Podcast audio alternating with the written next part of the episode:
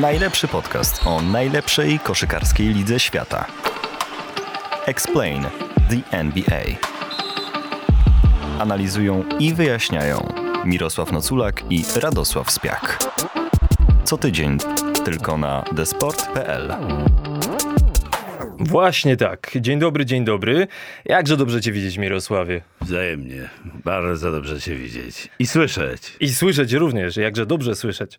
E, widzimy się po raz pierwszy i słyszymy się po raz pierwszy w nowym podcaście Explain the NBA. Zapraszamy serdecznie do słuchania nas na Spotify. Będziemy co tydzień na desport.pl i ponieważ 76. sezon NBA właśnie wystartował i my nagrywamy ten odcinek e, w późny czwartkowy wieczór, to przede wszystkim na początek chcemy powiedzieć o tym, co działo się w pierwszych dwóch dniach, a w zasadzie w pierwszych dwóch nocach, bo ty nocami, Mirosławie, wciągasz NBA codziennie, można powiedzieć. No tak, tak. Staram się codziennie, bo to bo, bo, nie lubię oglądać z odtwarzania, ale w związku z tym podcastem e, niektóre mecze pewnie będę oglądał e, z odtworzenia, z powtórzenia, bo nie da się wszystkiego obejrzeć w nocy.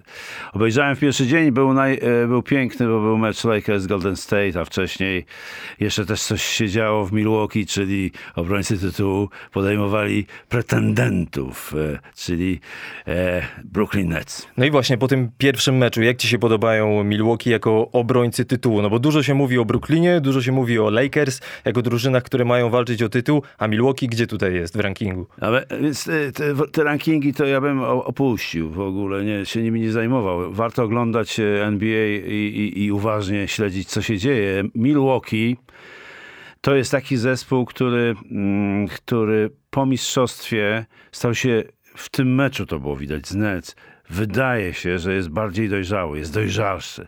Jednak mistrzostwo e, sprawiło, że, że ci goście jeszcze bardziej uwierzyli w siebie. Kumbo jest po prostu jest jak ogień, nie do powstrzymania. Drew Holiday fantastycznie. Chris Middleton zaczął, mm, zaczął trochę spowolniony, bo on zwykle się długo rozkręca i ta trójka, ta trójka liderów Milwaukee sprawia bardzo dobre wrażenie. Co prawda po, w drugiej połowie nie wystąpił Drew Holiday, bo jakaś mm, przyplątała kontuzja pięty, ale to nie, e, to nie przeszkodziło wygrać e, Bucks e, wyraźnie z, z Brooklynem. Do Drew Holiday jeszcze za chwilę przejdziemy. Ja chciałem tylko zaznaczyć, że, że w podcaście będziemy starali się przede wszystkim zajmować e, NBA merytorycznie, taktycznie, tym co na boisku i tym co dookoła boiska ma wpływ na to, co dzieje się na parkiecie. Nie będziemy za bardzo zajmowali się plotkami, ploteczkami i finansami, chociaż czasami jakieś wstawki na ten temat będą się pojawiały. Natomiast będziemy starali się skupiać w naszym podcaście na tym, dlaczego coś się dzieje na boisku i dlaczego dzieje się akurat tak, a nie inaczej. W związku z czym, jeśli chodzi o Milwaukee, Milwaukee, wszyscy wiedzą, że to jest drużyna, której absolutnym i totalnym liderem jest Janis Antetokounmpo.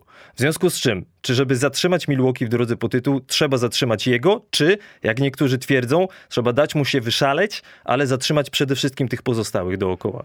E, to e, dosyć e, skomplikowana odpowiedź moim zdaniem, dlatego że Antetokounmpo się bardzo rozwinął. Janis się bardzo rozwinął, on się rozwija ciągle, to jest młody gracz w sumie. I on, te, w jego grze w tym inauguracyjnym meczu było widać tę dojrzałość niesamowitą, którą już, już, już się pojawiła, kiedy zdobywali mistrzostwo, bo, bo inaczej by nie zdobyli tego mistrzostwa, gdyby on się nie zmienił, gdyby ten zespół się nie zmienił. I ten, ten zespół zmienił Drew Holiday, ale to jest zupełnie inna opowieść.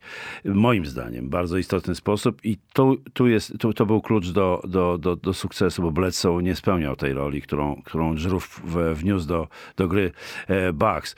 Natomiast chciałbym wrócić do, do trochę historycznie do, do Mike'a Budenholzera, który jest coachem i został mistrzem NBA po raz pierwszy. I on jak przejmował Milwaukee Bucks, bardzo mi się podobała jego idea, idea gry 5-0, zostawienia 5-0. To jest, to jest ważne w odnośnie do tego twojego pytania, dlatego że to 5-0 myślę, że było y, pomyślane jako, czyli wszyscy gracze są rozstawieni po za łukiem y, rzutów za trzy punkty i to stwarzało miejsce do gry to jest jeden powód. Miejsce do gry e, Janisa, który jeszcze 2-3 lata temu właściwie operował tylko jednym elementem. Grą jeden, jeden na jednego. Dzisiaj rzuca z pół dystansu, próbuje rzucać za trzy, więc on będzie, będzie, będzie bardzo trudny do zatrzymania i on będzie się rozwijał.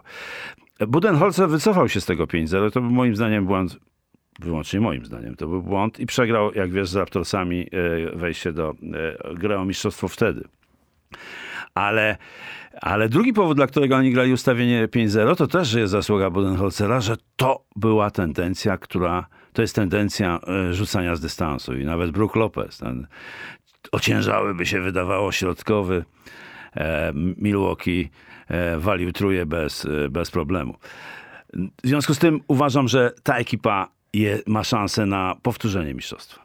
No ja mam w ogóle cztery drużyny, moim zdaniem, tak naprawdę mają szansę na mistrzostwo. Milwaukee, Brooklyn, Los Angeles Lakers i Los Angeles Clippers.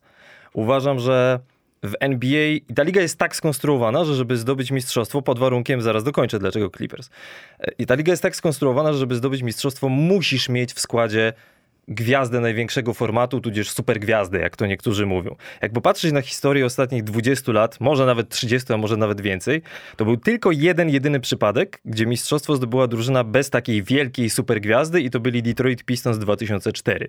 A poza tym... z, dwa, e, z, Z Lakers, z, z Lakers 4-1, którzy Tak, tak, wtedy ale- mieli Shaka, Kobiego, Karla Malona, Tak. Gary'ego Paytona i tak O, do dalej. tego i tak jeszcze dalej. dojdziemy, do tego Karla Malona, bo tam gdzieś jest e, w, e, taka sytuacja właśnie z Lakersami, jak będziemy rozmawiać o Lakersach. To jest ciekawa historia. Wątek Malon i, Peyton. I Peyton. Natomiast, yy, żeby, jak, jak- popatrzę na te po- poprzednie mistrzostwa, no to w tych 20, nawet 30 latach mistrzostwo zdobywały drużyny, które miały w składzie albo LeBrona Jamesa, albo Kevina Duranta, albo Paula Pierce'a, albo Kawaja Leonarda, albo Tima Duncana. No, trzeba mieć po prostu taką supergwiazdę. Tak jest skonstruowana ta liga. Bez posiadania tak wielkich gwiazd mistrzostwa nie zdobędziesz.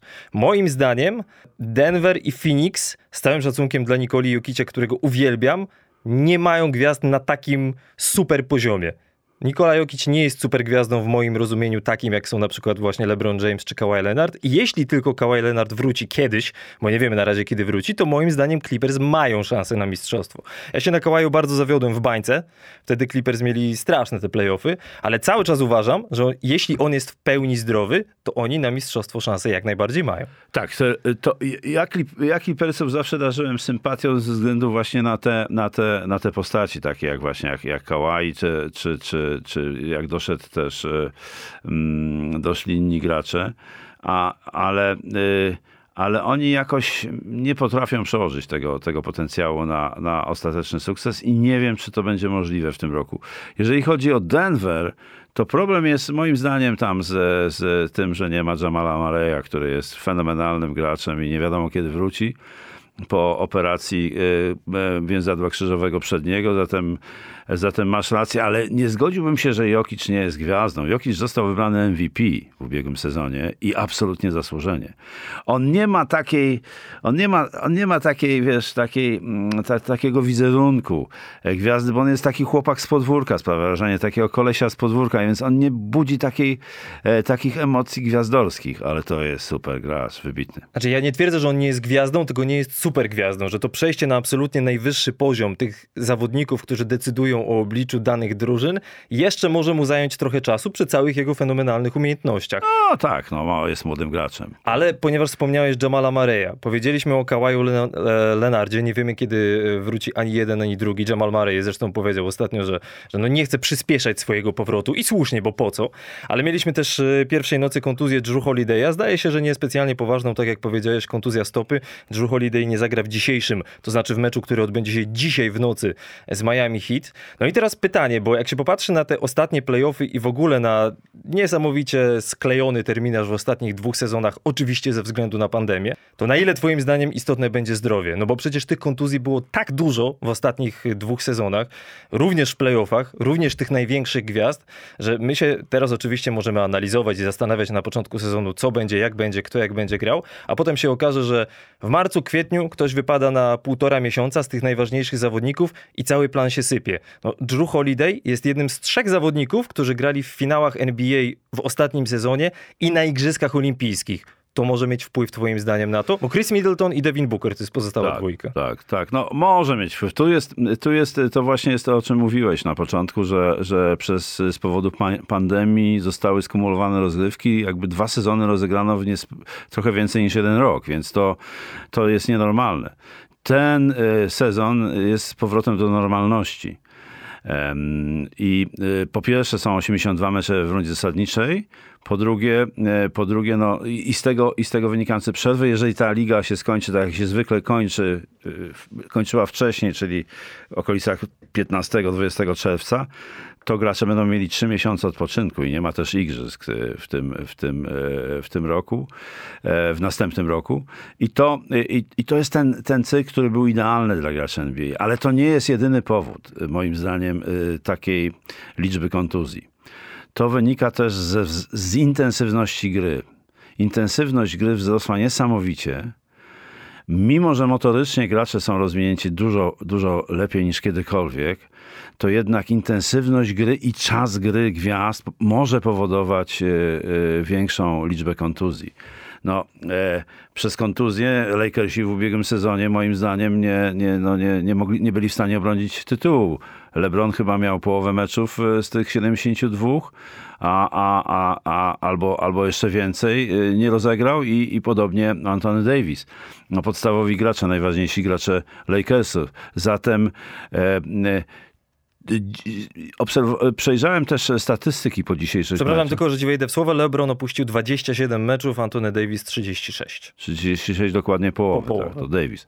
W każdym razie e, e, przeglądałem statystyki i dzisiaj i patrzę, że LeBron grał 30 prawie 7 minut. Podobnie zresztą Steph e, Curry. E, I Stefcio o, o tyle mu, mu, jest łatwiej, że on jednak wa waży połowę tego, co, co LeBron. Więc, e, e, jakby narażenie na kontuzję, szczególnie kręgosłupa, stawów kolanowych jest trochę mniejsze.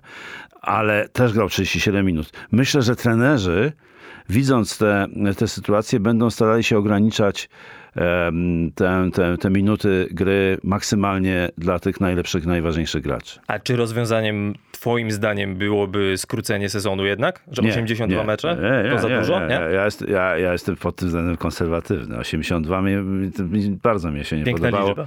Nie podobało, pewnie.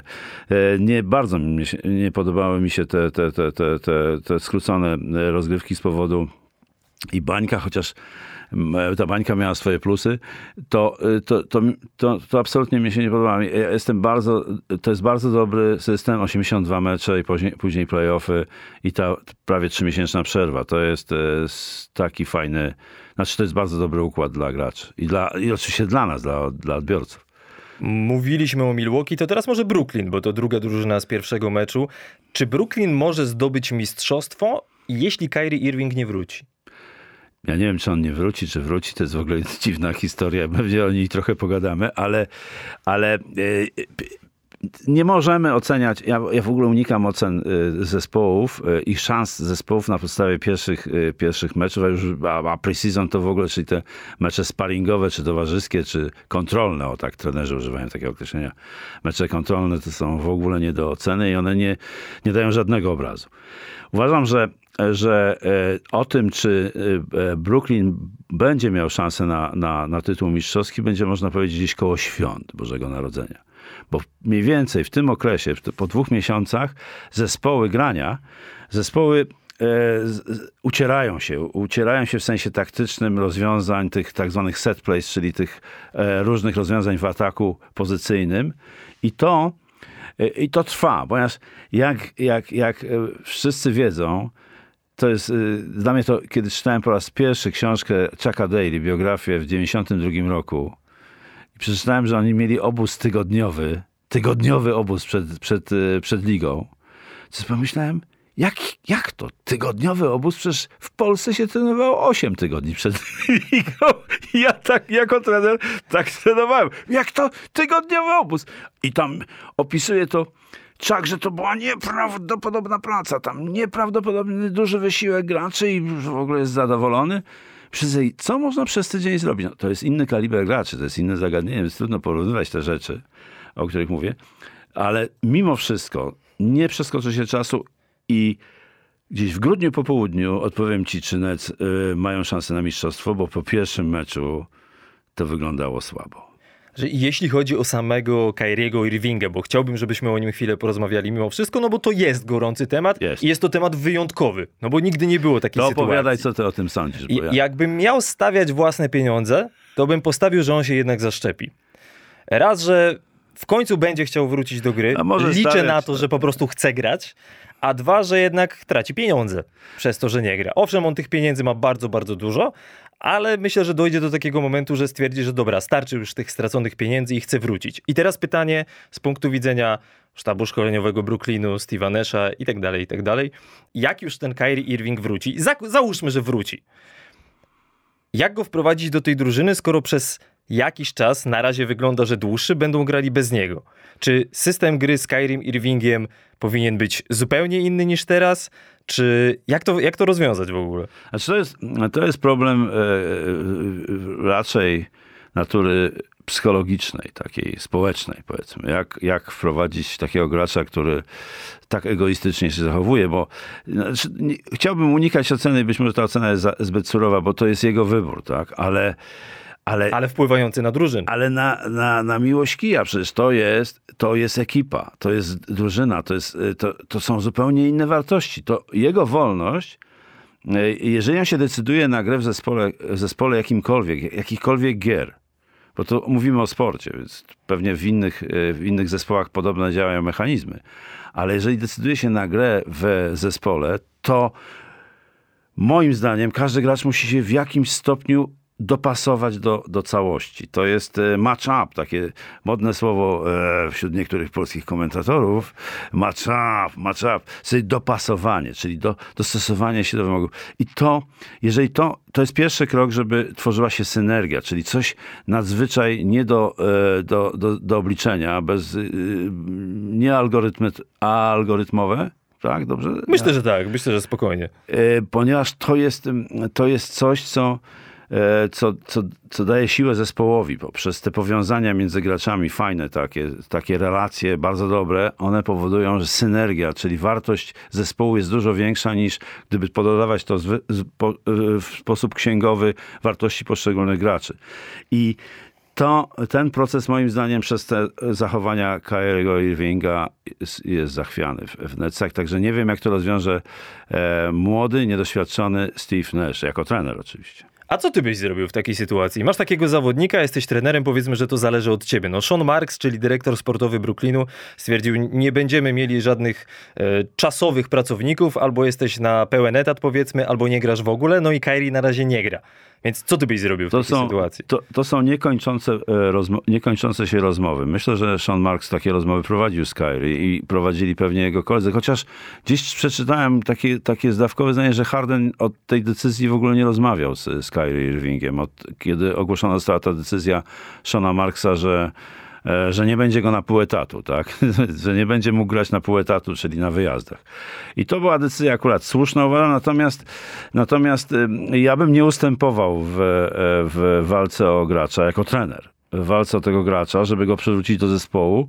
To jest dodatkowa robota, bo musiałbym rozmawiać zarówno z graczami, z tymi najważniejszymi, najważniejszymi i wszystkimi generalnie, no i samym Kyrie. To jest, e, to jest niekończąca się historia, niekończąca się rozmowa. Tego nie można odpuścić. Ja bym nie odpuścił jako trener. No dobra, a jeśli Kyrie wróci za powiedzmy miesiąc, dwa, może trzy, nieważne. Czy wyobrażasz sobie sytuację, że z nim w składzie po takiej przerwie i po takiej całej historii, kiedy on po prostu podjął decyzję, że nie będzie grał, no bo to jest decyzja, to nie jest kontuzja, że nie może grać, może w każdej chwili wrócić, tylko nie chce, bo nie chce się zaszczepić. Czy wyobrażasz sobie taką sytuację, że jak on wraca, to Brooklyn z nim gra gorzej?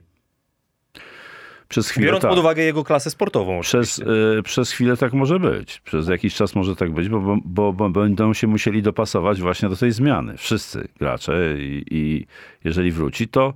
Ale myślę, że to jest taki poziom zawodników, że oni się szybko przestawią na, na grę e, z Kyrie pod warunkiem, że e, że uwierzą w deklarację e, samego e, podmiotu lirycznego, że on już nie będzie fikał więcej, mówiąc kolokwialnie. I tyle. To, czy nie będzie fikał, to się okaże, bo, No no bo- Kyrie jest dla mnie w ogóle dziwnym No, człowiekiem. no więc dlatego mówię, że pod warunkiem, że nie będzie fikał, bo przecież wiemy, że jest zawodnikiem bardzo trudnym, jeżeli chodzi o współpracę. Los Angeles Lakers, myślę, że do nich możemy przejść, no bo to też są jedni z głównych kandydatów do mistrzostwa. Nazwiska wspaniałe, a na razie nie wygrali jeszcze ani jednego meczu. Same przegrane w preseason, przegrana w meczu otwarcia z Golden State. Czy są jakieś powody do obaw? E, Nie wiem, to, to, ta- tak, samo, e, tak samo odpowiem jak, jak w poprzedniej sytuacji, że, że ocenę e, Lakers bym zostawił na później, to znaczy na, ten, na, ten, na, na to w grudniu po południu. Ponieważ oni, to jest bardzo duża zmiana. Tam jest mnóstwo nowych graczy, nowa, nowa sytuacja. Właściwie zostali tylko ci dwaj główni, czyli Davis i, i, i LeBron. Natomiast e, wszyscy pozostali doszli nowi i, i, to, e, i to jest, e, ułożenie tego jest bardzo, to może być czasochłonne. Jest też taki, no ten Russell Westbrook w pierwszym meczu przeciwko, przeciw- przeciwko Warriors zagrał koszmarnie. Ale Ja, podobnie... ja miałem takie wrażenie, że on w ogóle nie, może sobie znaleźć miejsca na tym parkiecie. Już tam pali ich o statystyki, ale on wyglądał po prostu na zagubionego człowieka. No tak, bo to, bo to rzeczywiście tak wyglądało. Natomiast podobnie było w ubiegłym roku, kiedy on poszedł do, do Washington, y, do Wizards, ale później, y, mimo że przestałem oglądać Wizards, jak, y, Marcin Gortat skończył karierę w granie w Wizards, to przestałem ich oglądać w ogóle. Natomiast w ubiegłym roku, jak, jak, jak to się, jak się pojawił e, właśnie mm, kolega e, raz e, w drużynie z e, Wizards, to zacząłem to śledzić i to było świetne granie. Bardzo dobrze się ich oglądało. Trochę za późno zaczęli się e, odbudowywać, ale i myślę, że tak może być z Lakers. Natomiast problem Lakers jest moim zdaniem inny. I tu jest, e, mimo że nie, być może nie powinniśmy o tym mówić, bo o wieku mówić mężczyzn, chociaż o, o, o wieku kobiet się nie powinno mówić, o facetach No, o facetach może... Są to starcy na chmielu. E, LeBron 36, e, Melo chyba 37, 33, 35, możesz to wszystko posprawdzać, e, No z- na pewno plus 30. no plus 30. I to, jest, I to jest nawiązanie do tego, o czym mówiliśmy wcześniej, że to jest groźba kontuzji, groźba, groźba różnych problemów, ponieważ to nie jest tak, jak było kiedyś jeszcze, kilka lat temu, kilkanaście lat temu, że w playoffach decydowało, de- decydowało doświadczenie. Zobacz, w jakim składzie grała Atlanta w finale e, konferencji. I z jaką średnią wieku? Jaką średnią miał Milwaukee? Tam było, było dwóch, w Atlancie dwóch graczy powyżej 30, w, w Milwaukee tak samo dwóch graczy powyżej 30.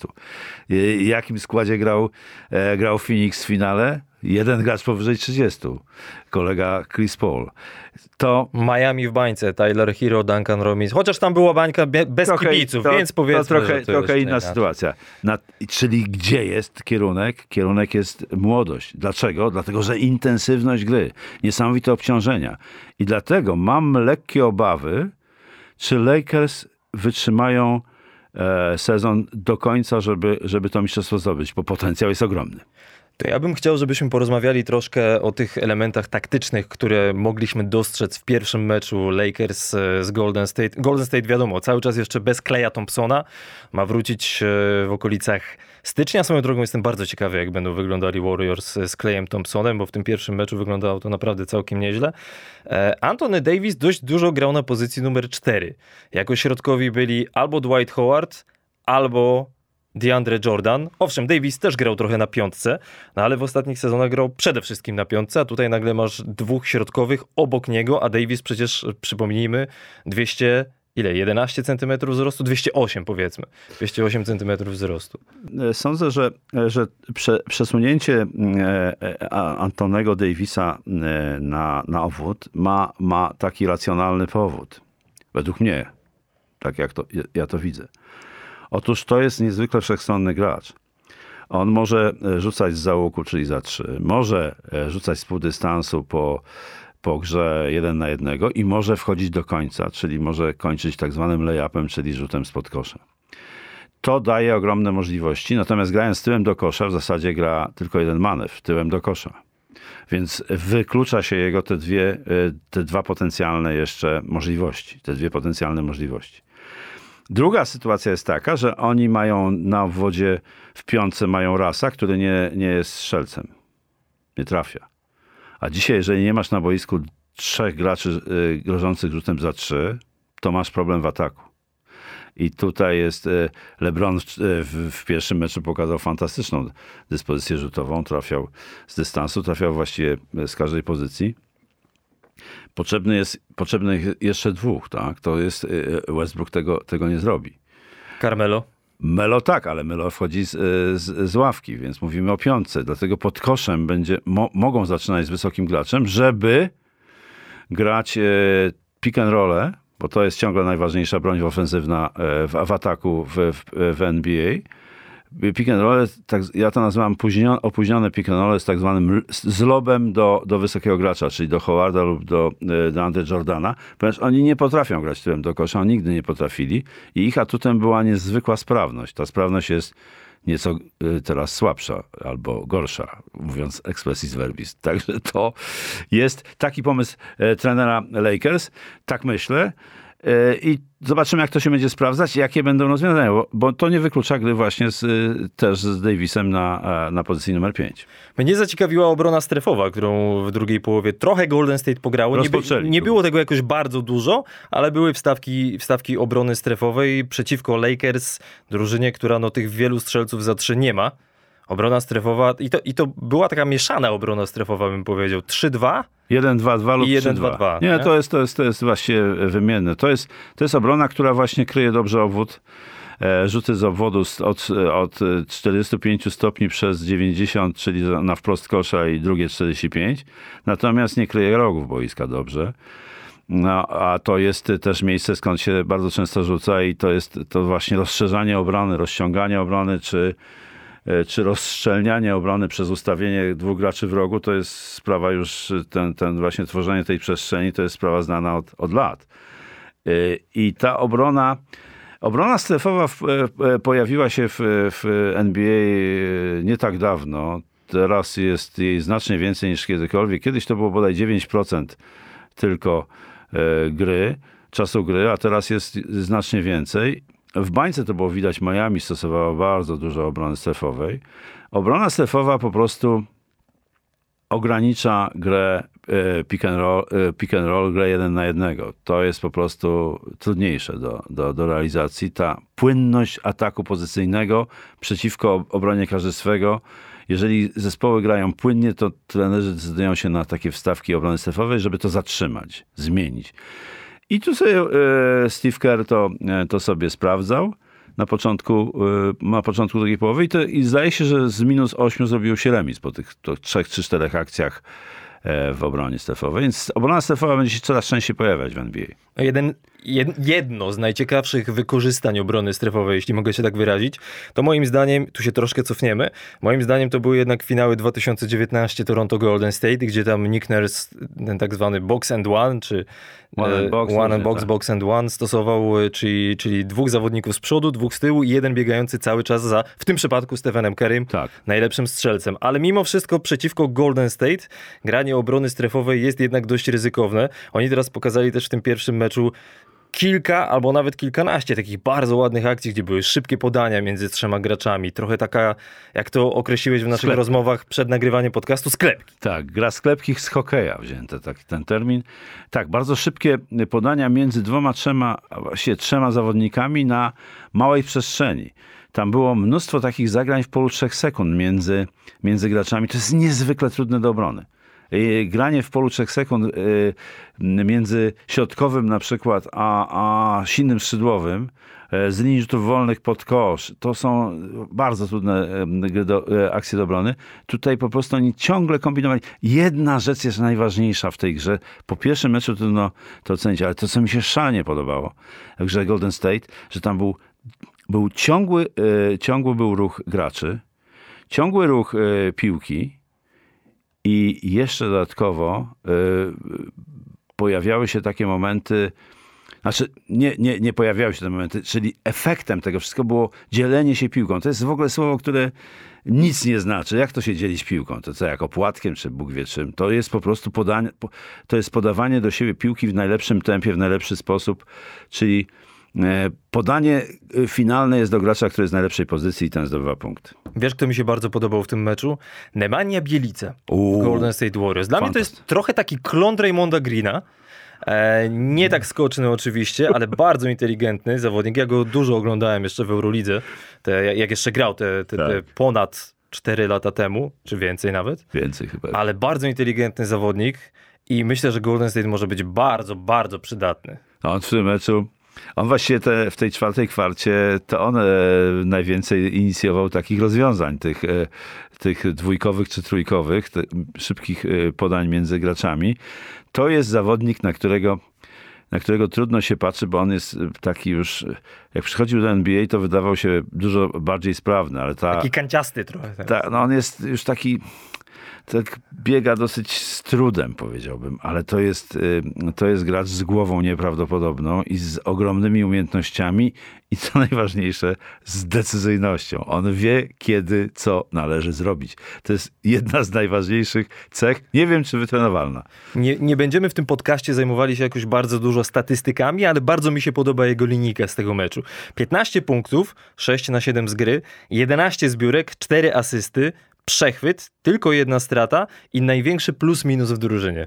To jednak coś mówi. Tak, no to świetne. No, to, to, był, to, był, to był może gracz, e, gracz meczu, możemy nawet zaryzykować e, właśnie z, tych, z, tych, z tego powodu, ale też tam taka się pojawiła fajna, fajna e, historia, bo, bo nasz strzelec wyborowy, czyli Steve, Steve miał triple-double.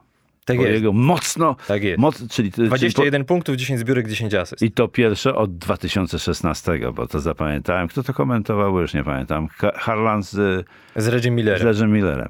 No oni się zachwycali grą. E, Golden State, szczególnie Reggie Miller po prostu tymi pomysłami, tym, tym, tą zespołową grą, tą, tą wymianą podań Reggie e, piął z zachwytu. Chociaż akurat kary rzutowo wygląda dość kiepsko w tym ale... meczu, ale to sam fakt, że Golden State potrafią wygrywać, kiedy on rzuca 5 na 21 bez Kleja Thompsona, to też pokazuje, że jeszcze jak Clay Thompson wróci, to możesz być bardzo ciekawy na zachodzie z nim. Ale wystawili na niego plastra Lakers, czyli Bazemora, którego, e, który, który, e, który no, był w poprzednim sezonie, zdaje się, w Golden State i dobrze zna. E, Stefa Kerego i, i mocno go tam turbował w obronie. Kent Bazemore w Golden State e, grał, tak, w poprzednim sezonie 67 meczów zagrał. On w ogóle zaczynał w Golden State, to jeszcze było w 2012 roku. On wędrował, tak, tak, tak coś mi się wydawało, że przecież pamiętam go, jak zaczynał, jak zaczynał prawie dekady temu. Zostawiamy zachód, e, wracamy na chwilę na wschód, bo tam, no sagi, po prostu sagi. Jak nie Kyrie Irving, to Ben Simmons Ojej. i Philadelphia. I co z tym fantem zrobić? Ojej. Płacisz człowiekowi pieniądze, a on no niby ci przychodzi na trening, potem nie chce trenować, ma telefon w kieszeni, dziennikarze to nagrywają, cały internet to widzi. No i jesteś trenerem ponownie. I co, co byś z tym fantem zrobił? Słuchaj, no to jest... Ben Simmons jest... To jest niedojrzałość moim zdaniem. Bo jak to inaczej określić? No, jak e, chłopiec z piaskownicy się zachował. Zgodził się na powrót, mimo że, że się pożegnał z Filadelfią, powiedział, że nigdy tam nie wróci. Zgodził się na powrót z jakichś powodów. I nagle przychodzi na treningi, na, na trening i, i, właśnie z telefonem, to jest w ogóle niedopuszczalne, z telefonem w kieszeni, odmawia wykonania ćwiczenia w obronie trenerowi, po czym on już dok nie wytrzymuje, Rivers i go odsyła do szatni. To są zachowania kompletnie nie, nieprofesjonalne, że się e, posłużę tak e, o, obiegowym i obciachowym określeniem. Po prostu gość e, nie ma, nie ma głowy. Ben Simmons ben Simmons po prostu jest, e, zlekceważył miejsce, w którym jest. Po prostu najzwyczajniej w świecie zlekceważył. Gdyby był zawodowcem, to by ten mankament, który, który, który, który, który ma, czyli że nie potrafi rzucać ani z półdystansu, ani z dystansu, ani wolnych, rzutów wolnych. Czyli nie potrafi rzucać. W ogóle nie potrafi rzucać. To jest, to, jest, to jest niesamowita historia, że facet, który zarabia takie pieniądze i jest w takiej lidze, nie może tego naprawić. To jest bardzo, wbrew pozorom, nie, takie trud, nie taka trudna sztuka, tylko trzeba chcieć. No dobra, ale, ale jesteś trenerem, no to y, odesłałbyś go do szatni, ale chciałbyś go jeszcze w tej drużynie w ogóle, czy nie? Nie wiem, bo to bo trudno mi sobie tę sytuację wyobrazić, y, jak, jak ona jest złożona do końca, bo, bo tego zachowania zewnętrzne są, są dziecinne ze strony Simonsa. Natomiast słyszałem, że chcą go jednak y, wymienić z Kings i to chcą wziąć trzech gości y, z Kings. Nie wiem, czy słyszałeś o takiej historii. Słyszałem. No też trzeba pamiętać, że Simons ma 4 lata jeszcze tego kontraktu z Filadelfią, więc to jest od razu przyjęcie na siebie sporych pieniędzy na najbliższe lata. No ale chcą, Ale- chcą wymienić na, na, na, e, na, na, na takich graczy, którzy mi bardzo podobają, czyli, e, czyli tam jest Holly Burton, ten, ten Bagley, który jest ciągle kontuzjowany, co prawda, i jest tam jeszcze taki strzelec super, przypomnij mi nazwisko. Buddy Hield. Buddy Hield. Buddy Hield. Buddy Hield. Buddy Hield. No, ale to, to, jest, to jest jakieś tam jakieś spekulacje. Nie wiem, czy to jest, czy to jest realne. Spekulacjami bardzo się nie będziemy zajmowali, ale chciałem jeszcze na chwilę do tego Simonsa wrócić. Chciałem nawet być takim małym adwokatem diabła, bo nie wiem, czy pamiętasz, była taka sytuacja, jak Philadelphia odpadła z Atlantą w półfinale konferencji i reporter po ostatnim przegranym meczu zapytał Doka Riversa, czy Ben Simmons może być rozgrywającym w mistrzowskiej drużynie? I Doc Rivers odpowiedział, w tym momencie nie znam odpowiedzi na to pytanie. I na miejscu Bena Simonsa nie wkurzyłbyś się, nie zdenerwowałbyś się, że jeszcze te 15 minut temu, jak graliśmy, to trener we mnie wierzył i byłem w tym wyjściowym składzie. Okej, mam problemy rzutowe, okej, będę chciał się poprawić i tak dalej, i tak dalej, a on wychodzi i mówi, wiesz co, no nie wiem, czy on może być podstawowym rozgrywającym w mistrzowskiej drużynie. Błąd. Błąd do Caliversa. Nie robi się takich rzeczy. Nie mówi się takich rzeczy. Po meczu, a szczególnie przegranym, trzeba znikać i nie, bo można powiedzieć coś, z czego się, z czego się można nie wygrzebać przez dłuższy czas. To jest, y, to jest bardzo do- dobra zasada i, i, i, uważam, że, że to był błąd do Caliversa absolutnie. Nie powinien tak, czegoś takiego powiedzieć. Tak uważam.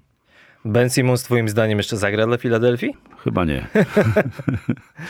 No bo to jest też swoją drogą ciekawe, że, że tak bardzo mówił, że w tej Filadelfii już go nie będzie, po czym jednak wrócił, po czym zachował się beznadziejnie, po czym też traci pieniądze, no bo został zawieszony i, i na razie wypłaty nie dostanie. No i w ogóle jak koledzy na niego, na niego spojrzą. Joel Embiid już powiedział, że ja tu nie jestem po to, żeby tutaj go niańczyć. No tak, no bo to jest, to jest dziecinada to, co robi Simons. Absolutnie, zgadzam się. Filadelfia będzie miała bardzo trudny sezon moim zdaniem, ale też bardzo ciekawy. I a propos ciekawych drużyn, bo chcemy tutaj nasze małe takie, niekoniecznie zapowiedzi, może podpowiedzi, kogo naszym zdaniem warto obejrzeć w tym sezonie. Ja to sobie wymyśliłem tak, że gdybym miał pieniądze i tylko tyle pieniędzy, że mogę wykupić League Passa NBA na mecze jednej drużyny, to kogo bym obejrzał? Oczywiście nie kibicując żadnemu zespołowi. Kogo ty byś wybrał, jakbyś miał oglądać przez cały sezon tylko jeden zespół? Muszę, muszę przez chwilę pomyśleć, ale myślę, że, że byłby to, mm, że byłaby to Atlanta. Gdyż? Lubię młody zespół, świetne pomysły e, Nate'a McMillana. Bardzo, bardzo, bardzo jestem ciekaw tej e, gry tej, tego zespołu.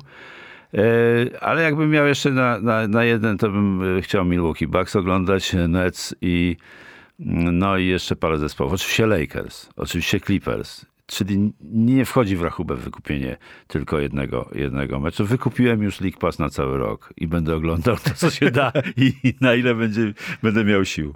No ja bym wybrał Golden State. Wybrałbym Golden State, dlatego że, że mają moim zdaniem największą szansę na sprawienie jakiejś tak zwanej pozytywnej niespodzianki, w tym przypadku na zachodzie, zwłaszcza jak wróci Clay Thompson. I mam takie przeczucie, że Golden State jest o jeden transfer od bycia ponownie poważnym kandydatem do mistrzostwa. O nich zapomniałem, przyznam się szczerze, a to jest, y, y, to jest właśnie taki zespół, który bym chciał na pewno oglądać i będę oglądał. Bo mają to coś. A ja wiem, że ty chcesz to zrobić, to, to teraz twoja kolej. mają mojo. I got my mojo working. To jest fantastyczny standard Mody Watersa, który uwielbiam słuchać i oni mają ten sex appeal koszykarski. Właśnie Golden State, przez te gierki, przez to, co pokazali w pierwszym meczu. Jeżeli to utrzymają, choć to może się bardzo zmienić, bo tak jak powiedziałem, to dopiero gdzieś koło, koło Bożego Narodzenia będziemy widzieli te, te zespoły grające, już funkcjonujące taktycznie w ataku i w obronie w, w pełni no to, to co pokazali e, w, w tym meczu z, z Lakers i wcześniej też e, w, w preseason, ale to w ogóle nie ma, e, nie warto o tym mówić, to było piękne, to było, to było granie, marzenie. No. Sex appeal to jest coś takiego w grze, w koszykówce, to, nie, to, to, to mają niektóre zespoły. To jest nawet, nawet ostatnio się mówiłem o, właśnie o Atlancie i nawet Milwaukee pod, pod tym względem zaczyna nabierać takiego, wiesz, takiej takiej faj, takiego fajnego wdzięku i, i, jest do oglądania. No, ja uwielbiam Memphis, Jamorant, no to tego gościa to śledzę cały czas, bo to jest po prostu naj, największy kot w tej NBA moim zdaniem. Kocisko, w sensie, że jego ruchy, jego Boiskowe, płynność, tak tak, zwane. jego płynne ruchy, to, to ja w 37 punktów chyba dzisiaj w nocy zaserwował, także nieprawdopodobne, niepra z Cleveland, to nieprawdopodobny gość. Jamorant, tak, 37 punktów, 17 na 29 z gry, 6 zbiórek, 6 asyst.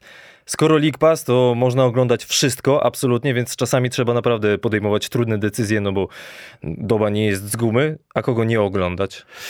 No myślę, że, że, że generalnie no nie, nie, nie wiem, czy, czy, czy można tak kategorycznie e, powiedzieć, ale nie sądzę, żebym chciał oglądać Orlando, nie sądzę, żebym chciał oglądać e, Detroit, chociaż oni dzisiaj z, e, całkiem, całkiem, całkiem przyzwoicie w nocy grali.